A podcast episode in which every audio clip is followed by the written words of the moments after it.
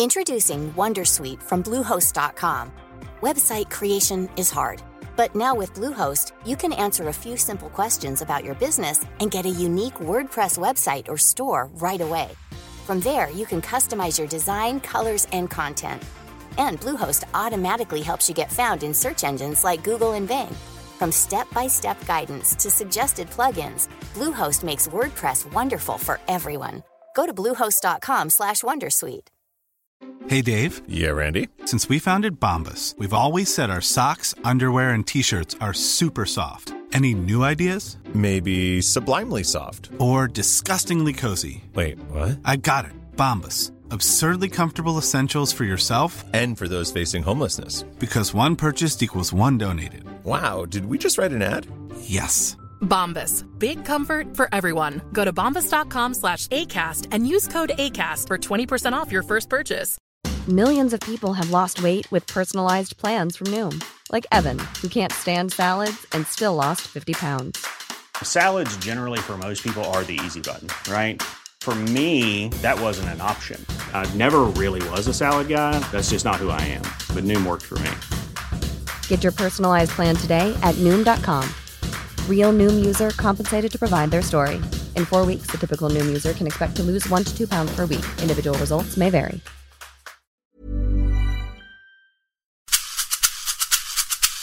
Hej och varmt välkommen till Karriärpodden med mig, Eva Ekedal.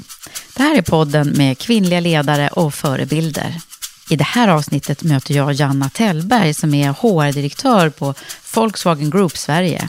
Janna utbildade sig först till socionom och jobbade också några år inom socialtjänsten innan hon bestämde sig för att gå över till HR. Där hon har haft ett antal olika roller i 16 år inom fordonsindustrin, framförallt på Scania, där hon jobbat med allt från operativt HR-arbete till ledarskapsutveckling globalt. Vi kommer nu få lära känna Janna och höra mer om vad det är som har präglat henne mest och hur hennes intresse för jämställdhet har vuxit fram mer och mer i den mansdominerade branschen som Janna arbetar inom och som också blivit en fråga som idag är väldigt viktig för henne att driva. Och det var i hennes nuvarande roll som HR-direktör på Volkswagen Group Sverige som hon kläckte idén med det så kallade omvända mentorskapsprogrammet som Janna så ofta får prata om och som blivit ett uppmärksammat projekt där man helt vänder på normerna och låter kvinnor bli mentorer åt de manliga cheferna. Allt detta och mycket mer i det här avsnittet av Karriärpodden. Glöm inte att prenumerera och rejta den här podden via din poddapp. Och följ oss gärna på Instagram där vi heter Karriärpodden. Men nu kör vi tycker jag. Här är avsnitt 161 med mig Eva Ekedal och min gäst Janna Tellberg.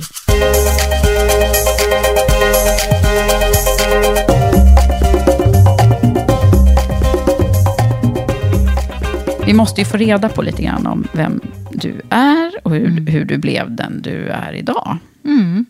Och det är en sån stor fråga, men jag, jag, tänker att du får välja själv var du vill börja mm. någonstans.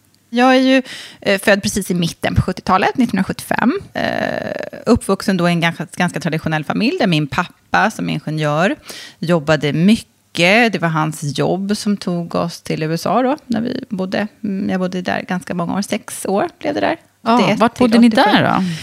Men då bodde vi i, utanför Milwaukee i Wisconsin. Vi är uppe vid de stora sjöarna kusten på Lake Michigan. Eh, och då flyttade ju jag, eller vi då som familj, eh, mamma, pappa, min lillebror och jag flyttade dit 81. Då var jag sex år. Nu har alla räknat ut att jag är 44. ja, de som är snabba, och det är de, mina mm. lyssnare. Eh, du flyttade dit då, men då hade jag ju hunnit flytta en del redan innan, eh, innan det. Och eh, de här flyttarna har ju då framförallt, eh, vi skyller på, på min kära far och hans eh, jobbbytande nu framförallt. Ja, det, det var det som flyttat, föranledde det hela. Flyttat oss runt och det var också det då som flyttade oss till USA så småningom. Eh, och dit flyttade vi som sagt 81 och eh, bodde där i, i sex år. Inom samma stad, men på ett par olika ställen då inom den här staden. Så jag, jag bytte nog skola bara en gång under den, de sex åren när jag var, när jag var där. Eh, men eh, Vad har det här betytt för dig, tror du? De här, det, är, ju- det är väldigt intressant när man börjar forska i sin egen. Sådär. Jag ställer ju en sån stor fråga här nu. Hur har du blivit den där Ja. idag? Liksom? Men, men vad har de här flyttarna, tror du, gjort med dig? Nej, men jag tror det, det har gjort olika saker under resans gång. Jag hade aldrig velat ha det ogjort. Jag är jättetacksam för eh, att jag har fått de upplevelser som jag har eh, fått. Jag har aldrig haft någon barndomskompis. Du vet, någon som jag har känt sen jag har gått på dagis. Jag har typ inte gått på dagis. Jo, lite. En kort stund, tror jag. Eh, men men ehm, jag har aldrig haft någon vän som jag har känt sådär, du vet, hela livet. Eh, som, och det var jag avundsjuk på när jag hörde andra som, som, eh, som hade. Vilket jag tyckte var ganska många eh, som hade och som, som eh, har. Eh, men jag tror att det som eh, det framförallt har gjort det är att, att eh, jag har blivit ganska bra på att bygga relationer och lära känna människor. Det är liksom en förutsättning om man ska byta plats och byta skola och byta ort och byta dialekt. Att man... Och byta språk också. byta då. språk, att man, eh, man blir tränad i att bygga eh, relationer. Ja. Eh, och det är också där jag har min trygghet. Jag har aldrig haft tryggheten i en fast plats. Eh, och i saker och, och, och så. Men är det så här att du kan bli eh, rastlös nu också om du hamnar för länge i samma hus? Eller? Nej, men nu har jag ju, nu, jag har ju aldrig, alltså den svåraste frågan för mig att svara på har alltid varit, var kommer du ifrån? Mm. Eh, nej, jag vet inte. Jag är född i Värnamo, där har jag aldrig bott. Det var liksom Ja. så här, vi var där en, en period. där. Mm. Så, eh, för att mormor och morfar eh, bodde strax utanför. Men eh, nu säger jag att jag är från Enhörna utanför Södertälje, för det är också det stället jag har bott längst på, som ju är 13 år eh, nu. Och nu får ju mina barn det som jag inte fick. De har bott i samma hus sen, Sen eh, de sen de var pyttisar och, och ehm, har kompisar som de har känt sen dagis och, eh, och så. Eh, så att jag, jag menar, Så det är ingen rotlöshet i, i det här som har... Som har Nej, men inte nu. Jag tror att det var tidigare. Mm. Liksom. När jag själv, eh, när vi gjorde sista flytten med eh, familjen, med mina föräldrar och min bror, så var det till Skåne, Ystad. Eh, mina föräldrar bor fortfarande kvar där, och, och där var ju 91. Men därefter så har ju både jag och min bror fortsatt att att flytta. Eh, så att För det var det ni kunde. Det var det, det var det vi hade lärt oss. Nej, men, eh, jag, menar, jag flyttade vidare till Lund och sen till Umeå och sen till eh, eh, Stockholm och Södertälje, trakten där jag liksom då hängt mig eh, kvar. Eh, och min bror också flyttat runt mellan Skåne och Stockholm och sen bodde han några år i Dubai och nu bor han i Hongkong. Och, ja, så att, eh, Ja, men det sätter ju sina, sin liksom livsstil också, det där. Ja, men det, det gör nog det. Sen kan ju alla, eller många fråga mig så här, "Åh, är du inte sugen på att åka ut? Och då känner jag lite så här, tja. När alla ville plugga efter, ehm, efter gymnasiet, då var det många som åkte ut. Eh, eller om de inte pluggade så jobbade de någonstans eh, i något annat land. Kanske något halvår eller något år och sådär. Men då var, hade jag inte alls det suget. Då hade jag ju bott sex ganska viktiga år av mitt liv. Från det att man är 6 till 12, det händer ganska mycket med en. Och man lär sig en del, liksom, en del basala saker i skolan som man lär sig, som jag då hade missat när det gäller eh, svensk eh, skola. Jag hade precis, det var en ganska tuff omställning att komma tillbaka till Sverige som 12-åring. Eh, och jag tyckte att då när jag var 17, 18, 19, där, då hade jag ju liksom landat. Då var inte jag sugen på att sticka iväg någonstans Nej, just igen. det. För då hade du äntligen liksom kommit till ro lite då. Ja, men och känt att jag var svensk igen och liksom, mm, tyckt, mm, liksom började tycka om Sverige på riktigt. Och då ville jag vara eh, här. Eh, så då var jag sugen på annat. Då ville jag ju upptäcka studentlivet och, och så. Just det. Eh, nu kan jag känna att jag skulle absolut kunna bo i något annat land igen. Det kan jag till och med vara, vara sugen på. Men inte bara för att bo och uppleva en annan kultur. Då måste det också komma med ett, ett jobbuppdrag som känns... Eh, Men det måste ju ha varit spännande. väldigt bra för dig rent språkmässigt. Jag menar, 6 till 12 år sa du. Då, då Ja, men absolut. Var, fick jag du menar- med dig engelskan på ett bra sätt där. Ja, och man kan ju önska att man fortfarande lärde sig som man gjorde när man var barn. För när jag, var, när jag flyttade dit kunde jag säga yes, no och I love you. Det var det jag kunde. Kommer, man kommer ganska långt med det. verkligen. Ändå. Ja. Eh, men på en månad så blev jag flytande i engelska. Det skulle ju aldrig hända idag. Man åker någonstans, kan tre ord eller fraser Nej. och blir flytande Det på där är ju månad. fantastiskt alltså. Ja, så det, det, det avundas jag. Men å andra sidan De har du ju de barnen. där orden kvar någonstans i, i järnbalken. Ja, men så, så är det. Och engelskan blev ju liksom mitt första språk och svenskan mitt, mitt andra. Ehm, sen, sen såklart flyttar man hem och så pratar man mest svenska igen. Och då, då är det klart att man, man tappar en del. Nu jobbar jag i en int- internationell värld och har gjort det i många år. Så det blir ju såklart att man ehm, pratar lika mycket engelska som, som svenska. Så jag har fått hålla Precis, i du det på har det ju sättet. mycket nytta av det i dina jobb. Det kan man ju verkligen förstå när man har studerat ditt CV. Och när man studerar ditt CV så hittar man ju också ett karriärval där i början. Ja, precis. Som inte Så riktigt är det du gör nu. Nej, nej, det var mitt riktiga jobb, brukar jag eh, säga. Jag, eh, när, när jag hade... När alla andra då skulle iväg och, och jobba eller plugga utomlands och jag inte ville det och var sugen på att vara student, och då framförallt i Lund, Ehm, så var jag nyfiken på juridik och tänkte att det var nog inom det som jag skulle utbilda mig och så började jag läsa lite juridik. Och tyckte det var kul, men kände att det var lite för lite känsla i det. Eh, lite för, för lite relationer, lite för lite av sånt som jag tyckte om. Och psykologi hade varit en annan stor eh, liksom, passion och ett ämne som jag tyckte om. Så då började jag läsa det istället. Och sen landade jag i att ja, men någonting som kombinerar båda de här delarna eh, i sig var jag sugen på. Och sen fick jag ett sånt där ryck som jag brukar få ibland och tänkte så här, nej, nu behöver jag byta stad. Eh, då var jag liksom färdig med då kom den där. Lund. Ja, men det var, hade gått ett och ett halvt år. Rastlösheten lite då ja, kanske? men då Mm. kom den då. Och lite det som... Ehm, jag störde mig lite på att alla såg liksom likadana ut. Man skulle liksom... Man träffade bara studenter. Eh, eh, det bor säkert vanliga människor i Lund, men jag träffade aldrig dem. Utan det var bara fokus på studenter. Jag kände att den världen blev lite liten. Eh, så jag ville någon annanstans. Så jag tänkte, hur långt bort kan man ta sig? Då, då sökte jag till Umeå, till socionomprogrammet. För socionomprogrammet hade jag hört eh, en del som hade pratat om. Och det fanns en, en liksom, juridik i det. Och det fanns ju också väldigt mycket psykologi och mycket relationer och mycket människofokus. Det var ju framförallt det det handlade om. Så jag tänkte, men jag testar det. Ja, så kom jag in i Umeå och så flyttade jag. De där 90-100 milen eller vad det nu kan vara. Vad tänkte du att du Ehm, skulle jobba med då? då? Nej, men jag tänkte nog inte så, så eh, långt då. Eller som socionom så blir man ju socialarbetare. Det är ju det allra eh, vanligaste. Men den världen visste jag ju inte så mycket om. Utan jag valde nog utbildningen på grund av de ämnen som, liksom, eh, som lockade mig eh, där. Eh, förutom juridiken och psykologin så var det ju eh, men en hel del annat där som jag kände att jag var nyfiken på att liksom, lära mig mer om. Eh, så jag, jag, jag, jag har ofta tänkt så här, men herregud, måste, liksom, vad jobbigt det är att veta vad man ska bli när man blir eh, stor. Och det kändes svårt och tufft att välja väg redan i gymnasiet. Så kände jag så här, men gud, vad, vad väljer man? Jag har ingen aning. Måste jag veta det nu? Eh, Och det är ju det som och när många man brottas ska med, välja till verkligen. gymnasiet, vad är man då? 16 år, 15-16 år. Mm. Tufft. Så jag visste inte då, men jag tänkte socionom, det verkar, det känns viktigt. Mm. Jag pluggar lite till socionom, så får jag se hur det går.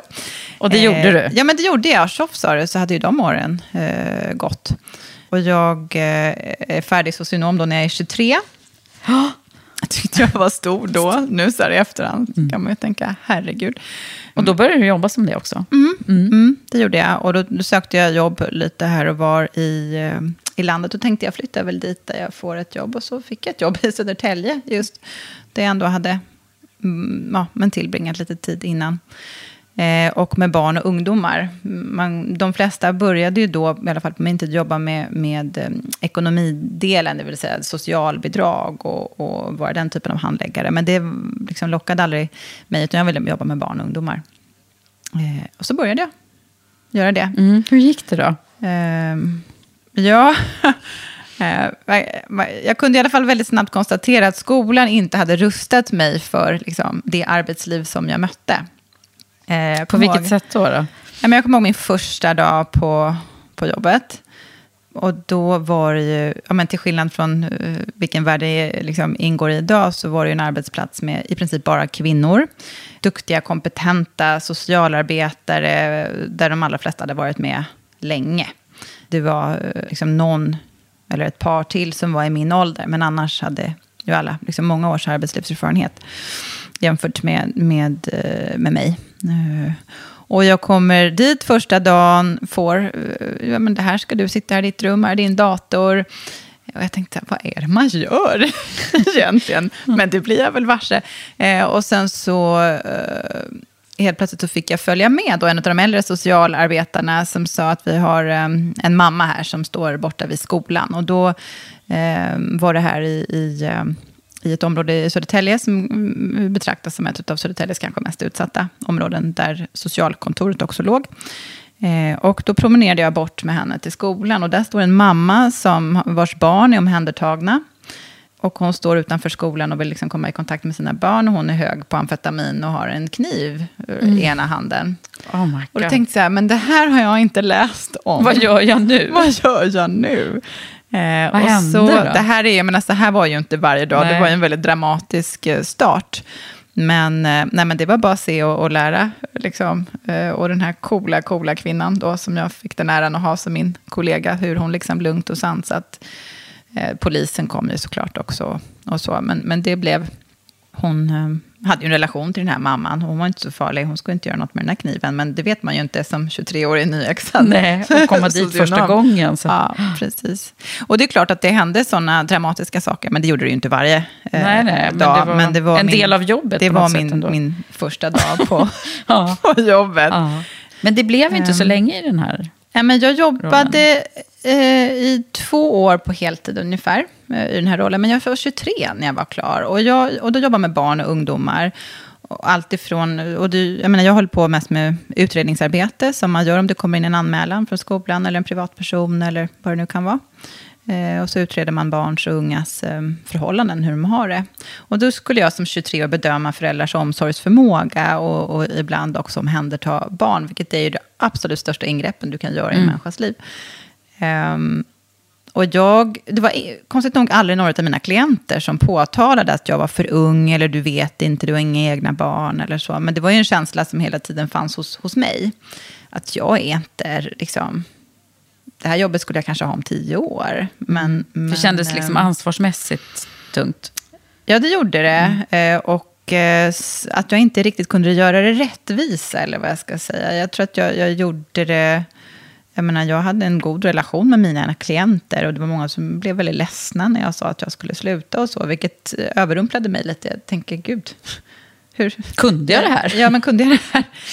Eh, men jag kände mig nog helt enkelt inte klar. Tyckte det var roligt att plugga. Eh, jag kände att jag hade så väldigt mycket mer att lära. Och under de här åren hade jag också blivit mer och mer nyfiken på HR och personalarbete. Och jag visste fortfarande att jag ville jobba med att jag vill ha juridiken som ett inslag. Jag vill jobba med människor och relationer.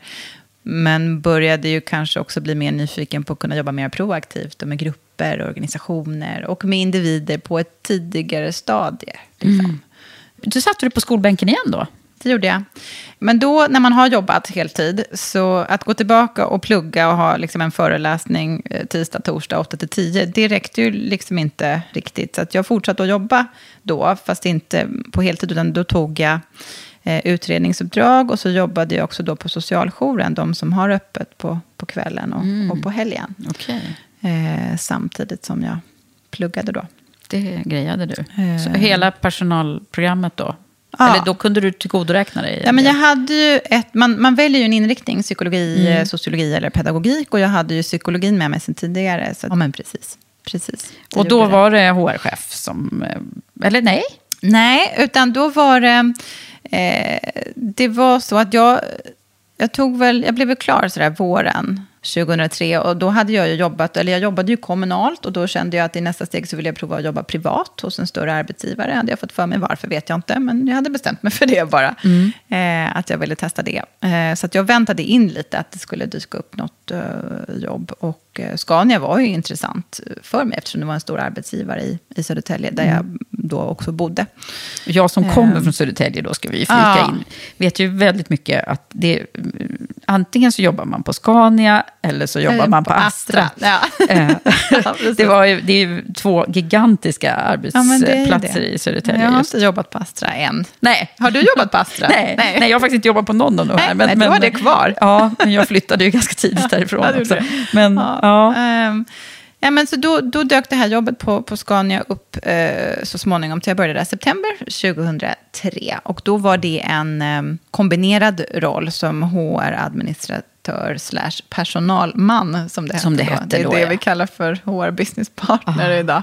Mm. Det där är Ja, ju... det är en del som har förändrats. En, Det, ja, nej, vi, vi kommer ju snart till de där frågorna, men det där är ju faktiskt en, en Ja. väldigt märklig grej, hur det kunde heta Ja. så från början. Ja, faktiskt.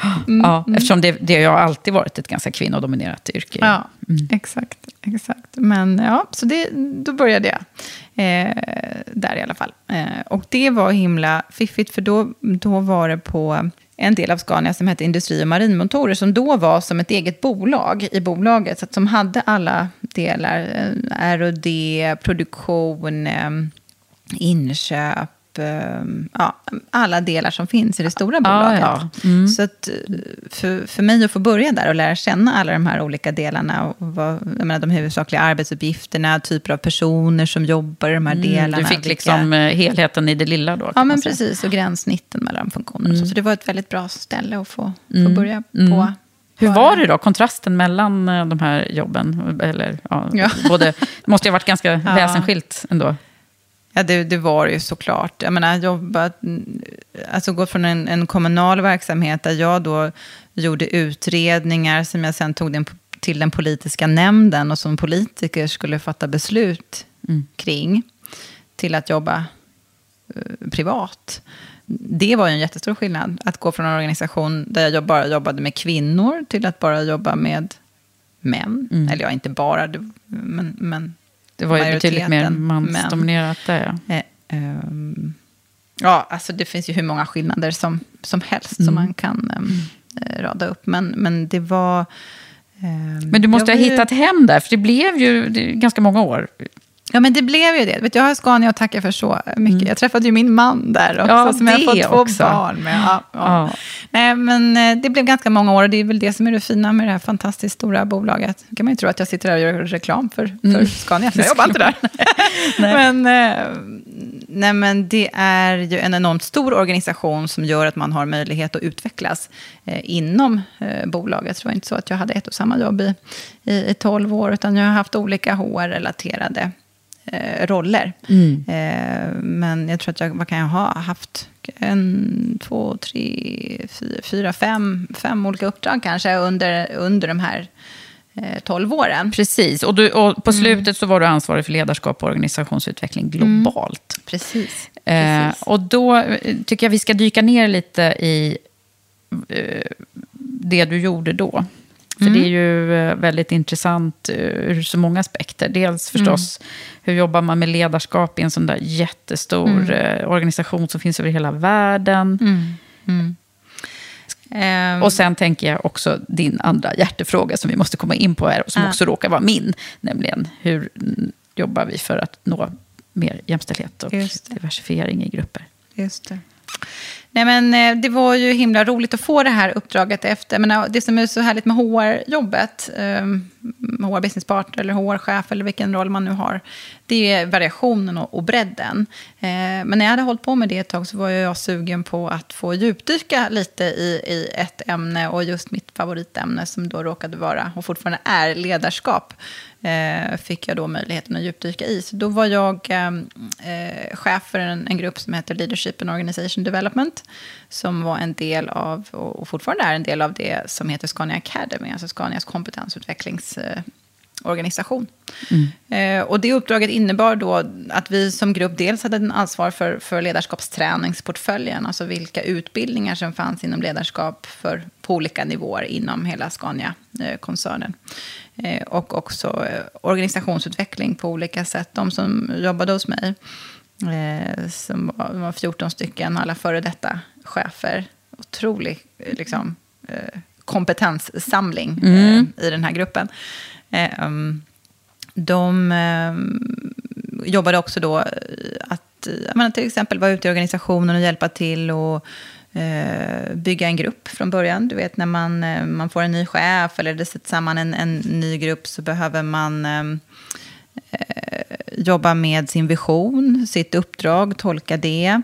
Eh, sätta sina spelregler, eh, skapa trygghet, tillit, förtroende.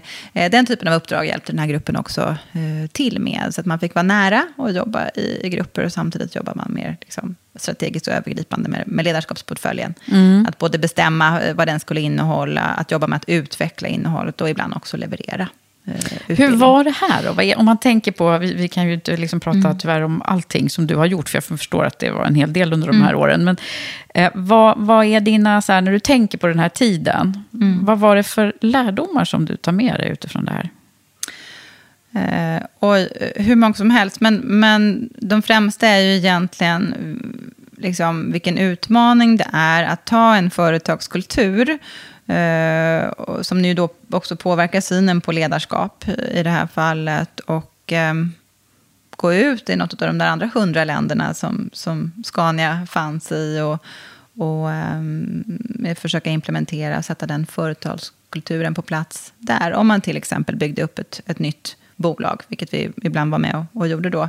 Prata värderingar och ledarskapsprinciper och, och så.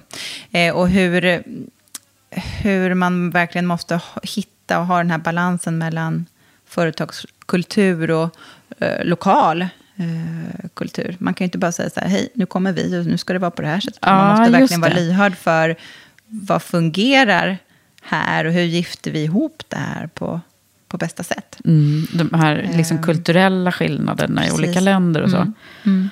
Var du ute och reste och, och jobbade liksom lokalt i, i andra mm. länder här nu? Då, det var väl den tiden jag, jag reste mest och, och, och längst. Um, vi hade ju hubbar också då, eftersom det är en stor organisation och, och Scania har ju liksom ett stort fäste i, um, men, i flera olika delar av, av världen. Så, så fanns det ju både i Holland och i, i um, Brasilien till exempel, mm. hubbar.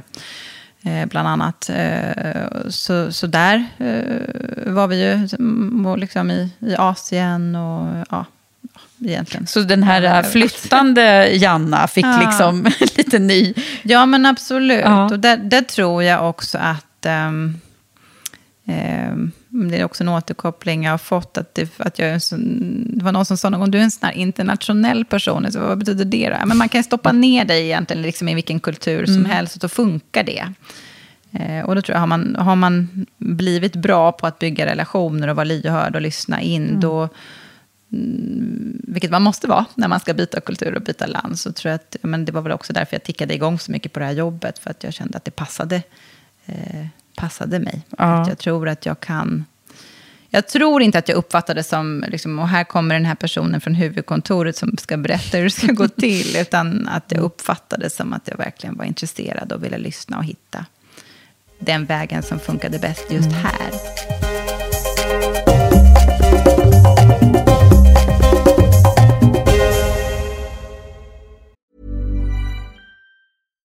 Millions of people have lost weight with personalized plans from Noom. Like Evan, who can't stand salads and still lost 50 pounds. Salads generally for most people are the easy button, right? For me, that wasn't an option. I never really was a salad guy. That's just not who I am. But Noom worked for me. Get your personalized plan today at Noom.com. Real Noom user compensated to provide their story. In four weeks, the typical Noom user can expect to lose one to two pounds per week. Individual results may vary. Subtle results, still you, but with fewer lines. Botox Cosmetic, out of botulinum toxin A, is a prescription medicine used to temporarily make moderate to severe frown lines, crow's feet, and forehead lines look better in adults. Effects of Botox Cosmetic may spread hours to weeks after injection, causing serious symptoms. Alert your doctor right away as difficulties swallowing, speaking, breathing, eye problems, or muscle weakness may be a sign of a life threatening condition. Patients with these conditions before injection are at highest risk. Don't receive Botox Cosmetic if you have a skin infection. Side effects may include allergic reactions, injection site pain, eyebrow and eyelid drooping, and eyelid swelling. Allergic reactions can include rash, welts, asthma symptoms, and dizziness. Tell your doctor about medical history, muscle or nerve conditions including ALS or Lou Gehrig's disease, myasthenia gravis, or Lambert Eaton syndrome and medications, including botulinum toxins, as these may increase the risk of serious side effects. For full safety information, visit BotoxCosmetic.com or call 877 351 0300. See for yourself at BotoxCosmetic.com. Introducing Wondersuite from Bluehost.com. Website creation is hard, but now with Bluehost, you can answer a few simple questions about your business and get a unique WordPress website or store right away. From there, you can customize your design, colors, and content. And Bluehost automatically helps you get found in search engines like Google and Bing. From step-by-step guidance to suggested plugins, Bluehost makes WordPress wonderful for everyone. Go to bluehost.com/wondersuite. Hey everyone, I've been on the go recently Phoenix, Kansas City, Chicago. If you're like me and have a home but aren't always at home, you have an Airbnb. Hosting your home or a spare room is a very practical side hustle. If you live in a big game town, you can Airbnb your place for fans to stay in. Your home might be worth more than you think. Find out how much at airbnb.com/slash host. Millions of people have lost weight with personalized plans from Noom, like Evan, who can't stand salads and still lost 50 pounds. Salads, generally, for most people, are the easy button, right? For me, that wasn't an option. I never really was a salad guy. That's just not who I am. But Noom worked for me. Get your personalized plan today at Noom.com. Real Noom user compensated to provide their story. In four weeks, the typical Noom user can expect to lose one to two pounds per week. Individual results may vary. Vi har ju förstås en, en nyckelfråga här nu då med den mansdominerade världen som du har verkat så Mm, mycket mm. inom. Vad, vad har du för... Vi vill ju lösa den här frågan förstås, men om vi, om vi ändå tittar på... Vad, vad har du för eh, lärdomar under de här åren då? Ja, eh, nej men jag, jag tror att min, min resa med jämställdhetsfrågan har, ehm, har jag inte riktigt förstått förrän liksom, nu på senare tid när jag liksom tänker tillbaka. Och, jag menar, nu är det en, en av mina absolut viktigaste frågor som jag har att driva i egenskap av min roll och av mm, egenskap av den bransch som, som jag representerar, som är fordonsindustrin, som är ju väldigt traditionellt mansdominerad. Eh, men från början har den frågan inte varit liksom på min karta och någonting som jag har tänkt särskilt mycket på eller så, utan jag har bara...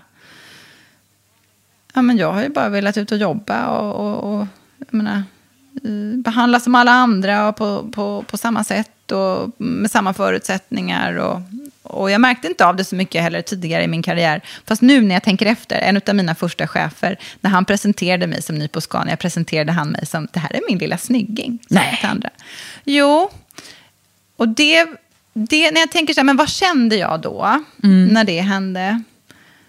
Ja, alltså det var ju inte jättebekvämt att bli presenterad som någons lilla snygging. Liksom. Nej. Nu när man är 44 kanske man skulle bli glad, men när, man, när jag var 27 så nej, det var inte jättebekvämt. Men var det jobbigt då? Kände jag, liksom, kände jag mig kränkt? Eller?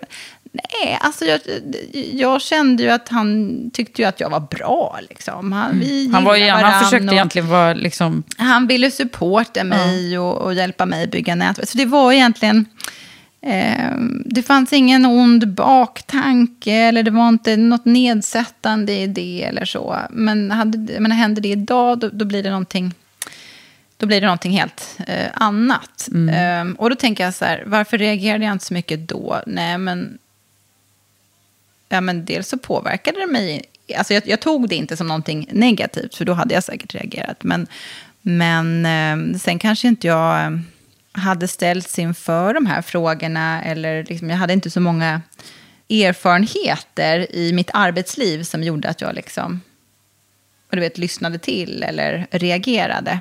De har ju kommit med åren, eller vad jag ska säga. Jag upplever att ju, ju större eh, roller jag har fått, desto mer påtagligt har det här blivit för mig på något sätt. Mm.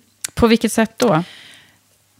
Nej, men dels så har jag väl kunnat eh, se att... Ehm, ja, men det som andra också kan ge exempel på, att om jag säger någonting i ett mötesrum och så lyssnar man inte riktigt till det och sen så sägs det av en man fem minuter senare och sen så var det helt plötsligt en jättebra idé. Eh, jag kan se i mitt jobb som, alltså med HR, när eh, chefer då, som är män, ska värdera kandidater, att kvinnor tenderas, tenderar att bli befordrade på erfarenhet, medan män tenderar mer att bli befordrade på potential. Mm. Ja, där finns um, forskning som också faktiskt ja, har tittat på. Ja, ja men precis. Ja, men en del härskartekniker, lite sån där liksom subtila saker. Aldrig det här som, när man pratar om sexuella trakasserier och diskriminering, det här att någon tror att det är någon som har gått och tagit en på rumpan eller så. Den tiden är liksom förbi, känner jag. Det händer, ja det kanske händer, men, mm. men, men ehm, det är inte där vi har våra utmaningar, Nej. utan det är i de här mera eh, jag menar det som jag upplevt i alla fall, lite mer subtila kommentarer, eh, eh, små handlingar som nog görs av automatik eller mm. eh, inte så mycket liksom, illvilja, utan bara för att mm. man alltid har gjort så. Men att det, det här som, blir... som vi pratar om så mycket nu med det omedvetna, unconscious bias, som vi har både män och kvinnor. Mm. Eh, det är det du också menade. Och det, de är ju oftast ganska svåra. Svåra att, att på, ja. Ibland, mm. så precis som du säger, den där var ju i och för sig den här introducerande kommentaren. Mm. Om, Eh, den, den är ju mm. ganska uppenbar. Men, men, eh, uppenbar. men mm. Eh, det kan ju mm. finnas andra som vi inte själva heller som, som kvinnor förstår när det, när det är förminskande. Eller när vi förminskar oss själva. Eller? Jag kan väl själv känna att jag har kunnat vara med om sånt där...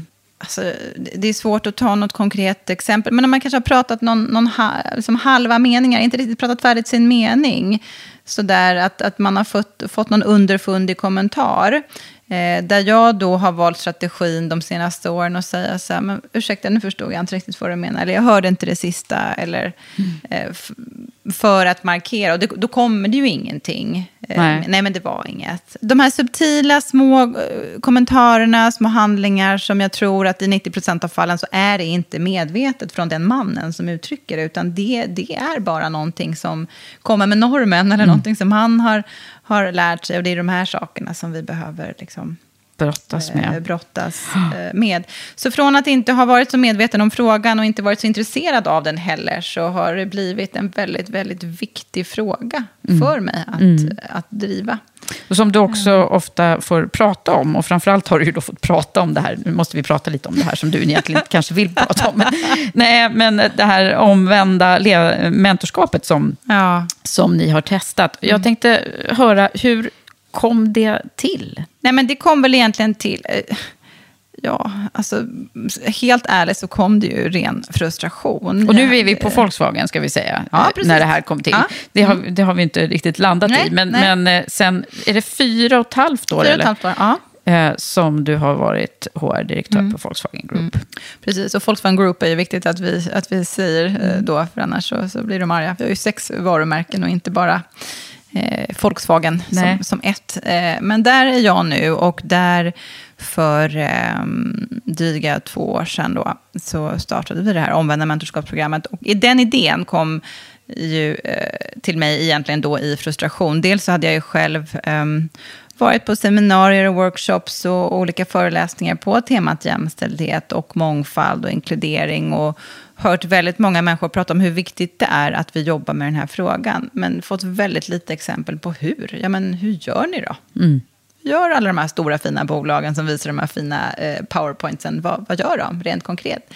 Det fanns ganska dåligt med exempel på det, tyckte jag. Um, och sen satt jag och min chef eh, på en, en internationell konferens inom Volkswagen-koncernen eh, med just eh, liksom, temat hur får vi fler kvinnor att lockas till vår bransch, hur får vi in fler kvinnor i ledande positioner. Det var liksom temat på konferensen. Det i sig var ju skitkul att det var det som var temat mm. när man samlar alla vd och HR-direktörer i, i, i Europa för Volkswagen-gruppen.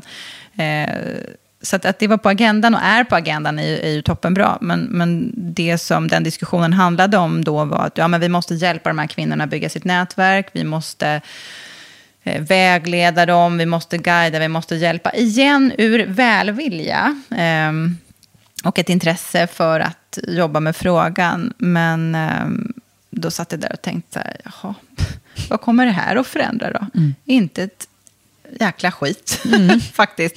Eh, och, jag menar, för, för de satt ju själva så att vi borde vara deras mentorer. vi stora starka män. Nej, det sa de inte, men det var jag som tolkade. Men, men de tyckte att ja, men vi, vi kan ju vara de här kvinnornas mentorer och, och liksom hjälpa dem och guida dem. Och det behöver ju inte vara en dålig aktivitet, jag säger inte det. Men jag tror inte att det är det som förändrar den här världen som mm. vi lever i. Eh, då är det ju istället så att man behöver göra tvärtom. Mm. Att det är kvinnorna som är mentorerna åt de här männen. Eh, för att det är de männen som i kraft av de maktpositioner de sitter på, som faktiskt har möjligheten eh, och arenan att göra någonting. Mm. För då egentligen så är det ju så, eh, jag är ju en jätteanhängare av det här, därför att jag tycker att det mycket kan det ju bli så att vi snarare befäster de här strukturerna och normerna ja. om vi låter liksom men konsekvent eh, vara.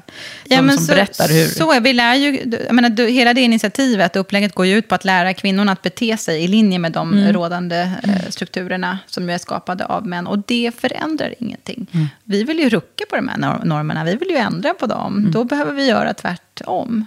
Men hur gick det till då? Då, då kläckte du den här idén? Mm. Ja, det blev helt tyst. ja, man skulle vilja varit med där lite då, ja, känner jag. Ja, men jag har ju en fantastiskt bra eh, chef. Han satt där och fnissade lite bredvid mig. Där. Eh, men sen så, så, så var vår styrelseordförande nyfiken och tyckte att det här lät ju spännande. Och så eh, så det var ju mer på ett, liksom, jaha, mm, ja, så, så kan man göra. göra. Så tänkte jag, det är ju ingen som kommer göra det. Och så sa vi det på, på flyget hem, Claes och jag, att ja, har man kläckt idén så måste man ju faktiskt prova den. Ja, det måste man ju, sa han då. Så åkte vi hem och gjorde det. Mm. Eh, men i liten skala och valde ut egentligen tre eh, av mina kollegor i ledningsgruppen som skulle få varsin mentor. Mm. Och då var det kvinnor från organisationen? Precis, då mm. var det kvinnor från organisationen. Och då var det ju tre stycken eh, som vi, vi skulle få fatt på. Vi är ju inte mer än 450 personer idag och då som HR-chef eh, har man ganska bra koll på vilka medarbetare man, man har. Eh, och då kände jag att ja, men, tre kvinnor som skulle vara sugna på det här och som vill vara med och bidra och som kan se det som en, en kul eh, möjlighet. Ja, men jag visste nog ungefär vilka det kunde vara. Mm. Eh, och så ställde jag frågan till dem helt enkelt och parade ihop de här tre paren efter eget huvud. Mm. Så det var inte mer avancerat än, än Men det har ju blivit väldigt eh, omtalat, eh, ja, men det både blivit, internt det och externt. Blivit, eh, det, och nu har vi utökat det, så nu kör ju hela ledningsgruppen och har gjort mm. det i över ett år. Och nu öppnar vi upp här i vår för alla som, som vill vara med och också för fler mångfaldsdimensioner än bara kön. Mm. Att man kan ha andra utbyten, svensk, icke-svensk, ny i branschen, gammal i branschen ja, och så vidare. Precis. Vi är redo för det nu, vi var inte det då, men, men där är vi nu skulle mm. jag säga.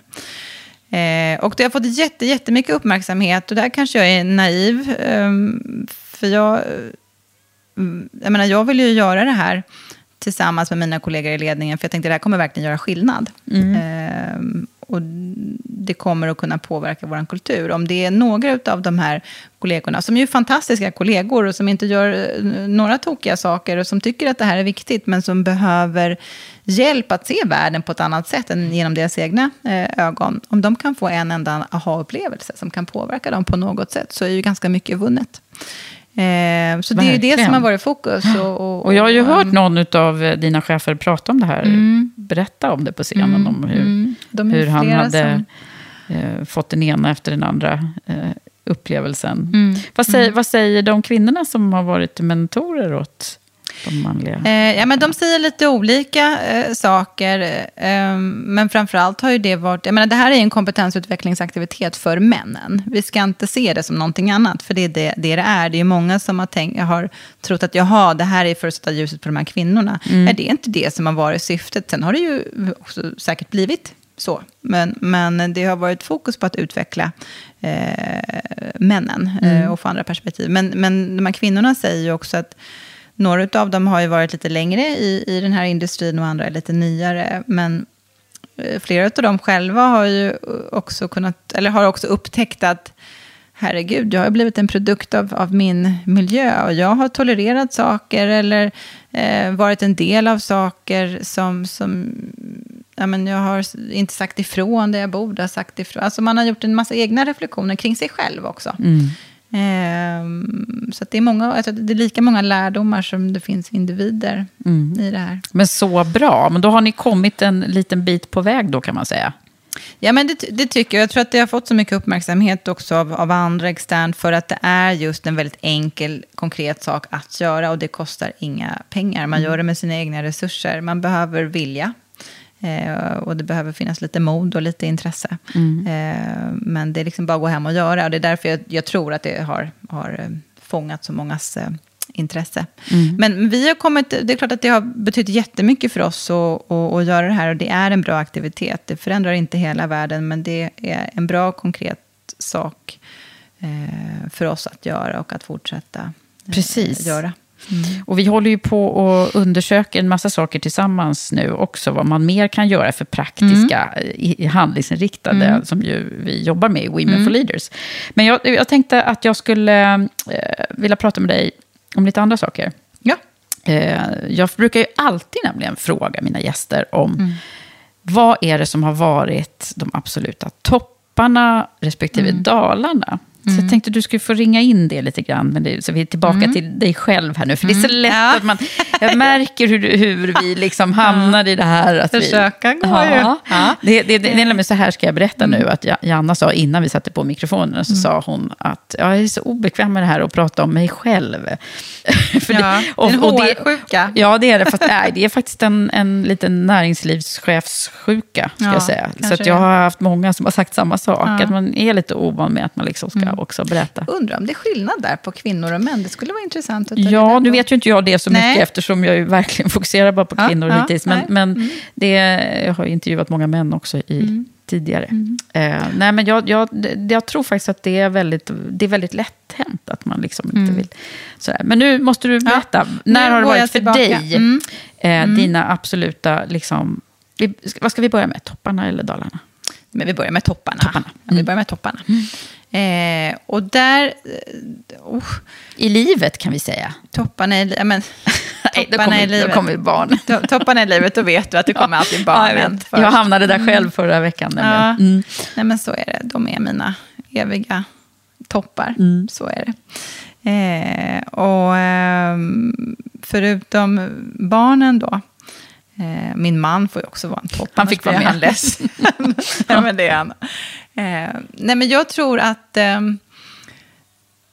det är svårt att urskilja en enda stor topp. Liksom. Jag har inte en isolerad, så här, wow, det här har varit det bästa. När det här hände så blev mitt liv...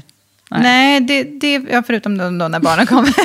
men eh, jag tror att det mer handlar om varje gång som jag har gått på ett nytt uppdrag. Eh, du vet när man står där och tänker så här, åh herregud, ska jag kommer jag klara det här? Nej, det här blir nog eh, skitsvårt. Och man chippar nästan lite efter andan. Lärkurvan är superbrant och sen så märker man att ja, men det går. Eh, det blir ju en topp mm. eh, varje gång. Och jag kan nog känna att de här senaste fyra och ett halvt åren när jag har varit på Volkswagen Group eh, har varit som en enda stor topp. Det är en sjukt spännande resa att vara med på. Det är ju en bransch som är i total eh, förändring. Mm. Och, och, då om man gillar förändring, vilket ju alla säger att de, de gör, mm. såklart.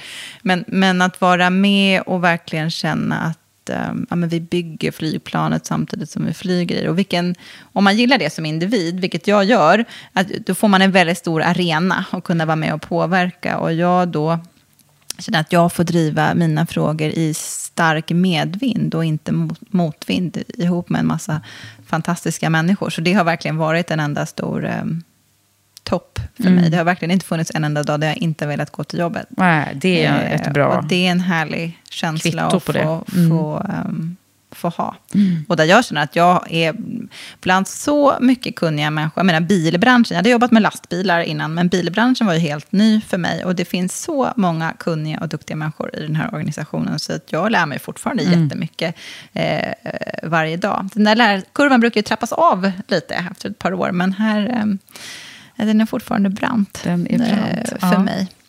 Har vi någon eh, dal Har vi några då? djupa dalar?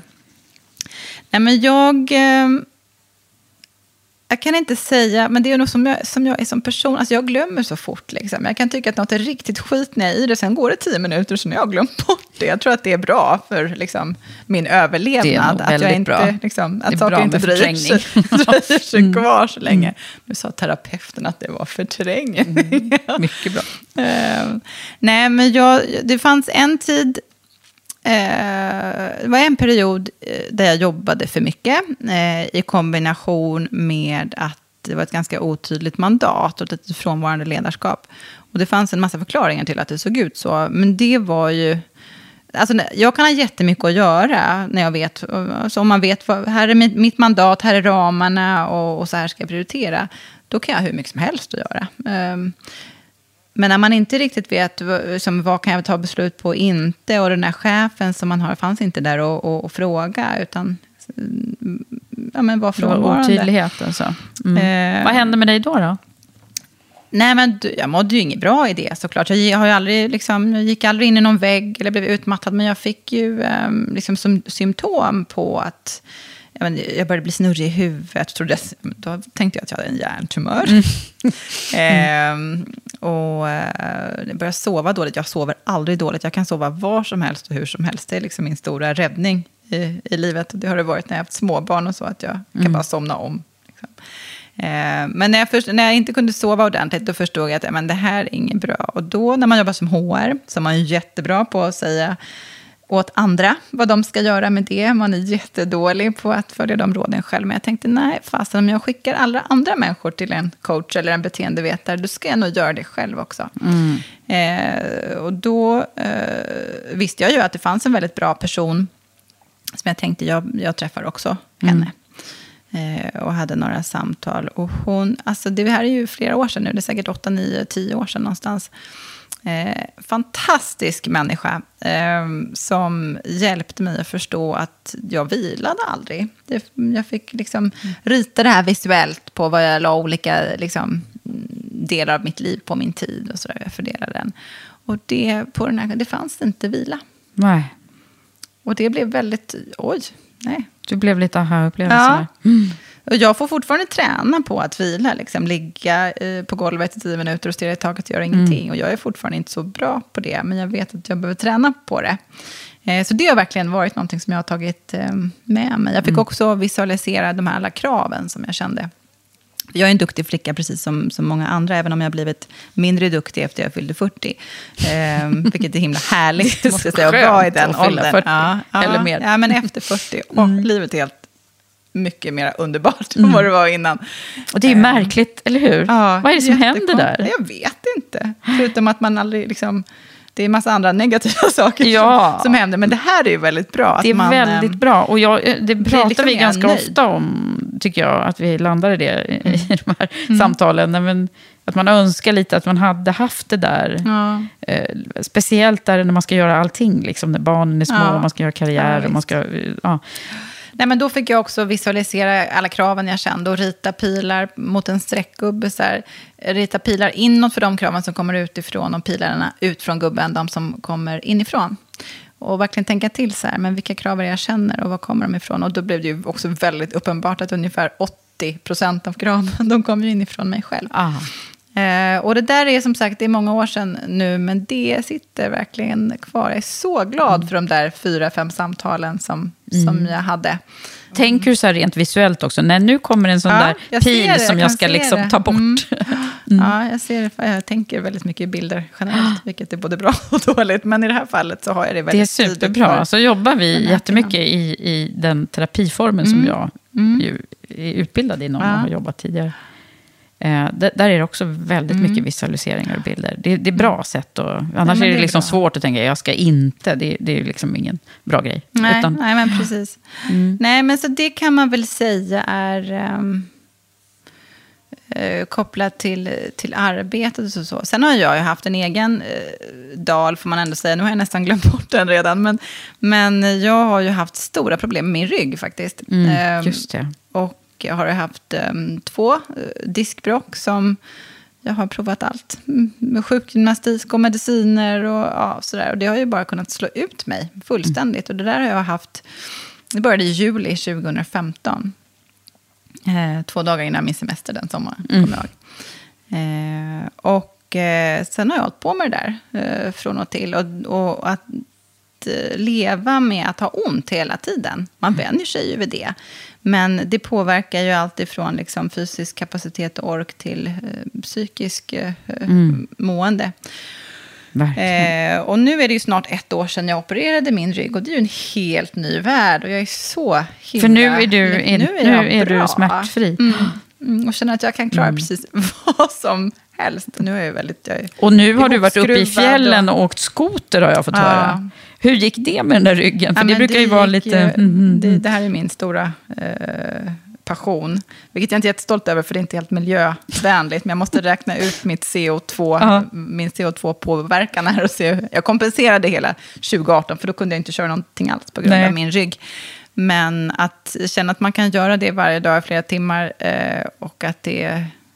det, det blir För det kan ju slå det ganska blir hårt inga konsekvenser på, nu. på. Mm. Men du har sån här bäl, bälten och Nej, grejer? har jag inte. Nej.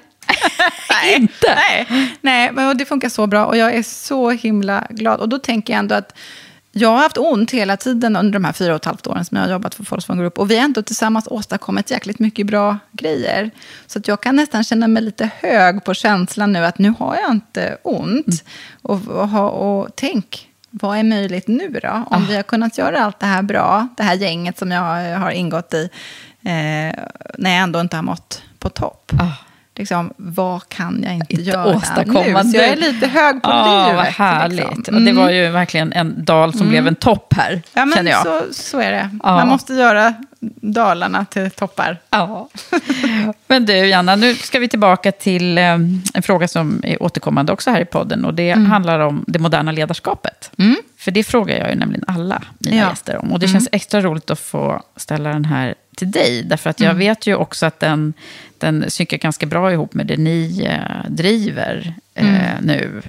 Att Just We det. are transformers We are transformers. Så det är vårt eh, så kallade EVP på Mm. Volkswagen Group. Eh, eh, som ju handlar om ja, men väldigt många olika saker. Att vi, ehm, vi är i en bransch som är i en stor förändring. Vi vill driva en förändring i, i, i- i samhället och när det gäller hållbar mobilitet. Eh, bilbranschen har ju ett stort ansvar när det gäller eh, miljöfrågan och, och utsläpp. Vi är ju en del av det problemet, men vi vill också ta en väldigt stor och aktiv roll i att lösa eh, det problemet. Så att vi har ett väldigt tydligt why i, i, i varför vi finns och vad, vad vi gör. För mobilitet, ett behov, behov av att flytta på människor och saker, det kommer alltid att finnas. Och frågan är hur vi kan bidra till att vi gör det på, på allra bästa sätt.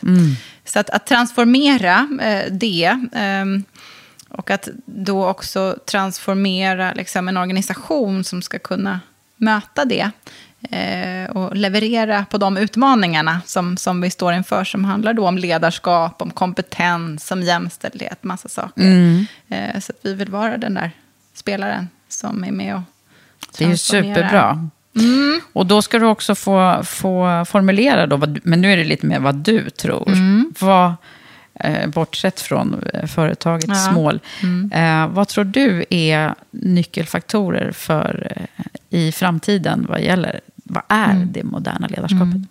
Hör och häpna, jag tror att man måste gilla människor. Mm. Det är ju inte alla chefer som gör det, Nej. faktiskt. I alla fall min eh, erfarenhet och upplevelse. Men jag tror att eh, med alla de liksom, teknikförändringar och den snabba takten och, och, och det som sker, så är de mellanmänskliga aspekterna det som blir ännu, ännu viktigare. Eh, att eh, framtidens Vi ledare... skickar alla på socionomutbildningar. Ja, precis. Alla ska bli som jag. Helt ödmjukt. Nej, Ja. nej, nej men gud. Jag, men jag tror att man eh, som, som framtidens ledare behöver verkligen eh, ha ett genuint intresse för människor. Att se dem, att utveckla dem, att lyssna på dem. Och att vara prestigelös. Eh, att förstå liksom alla unika drivkrafter, behov, kompetenser. För det är det du har, det är det du har att jobba med. Jag menar förr, och då menar jag bara för några år sedan, så um, när man, man pratar om leda i förändring, ja, då tittar vi på förändringskurvan och förändringens fyra rum och allt det där är fortfarande giltigt. Det är bara det att nu när vi driver förändring så går vi ju inte från A till B och så slutar vi där. Eh, Utan det här är ett konstant, eh, konstant tillstånd som vi ska röra oss i precis hela tiden. Mm. Eh, och det tror jag ställer högre krav på ledarna att verkligen bara eh, se de individer som man, man leder. Och vad behöver just du för att ta dig dit? Och var är du någonstans? Och, och vad ska jag som din ledare bidra med för att jag ska få med dig här på, Mm. på tåget?